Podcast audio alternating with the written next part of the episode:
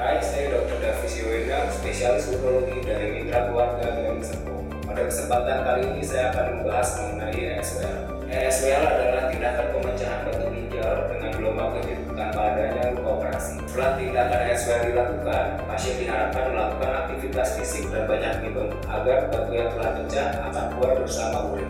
Efek samping yang dapat terjadi setelah tindakan SWL adalah kucing berdarah dan juga nyeri pinggang. Namun keluhan ini dapat setelah 2 sampai 3 hari. Apabila Anda membutuhkan informasi lebih lanjut, jangan ragu untuk menghubungi mitra keluarga. Sampai jumpa di sesi pembahasan kesehatan lainnya. Mitra Keluarga Life, Love, Laughter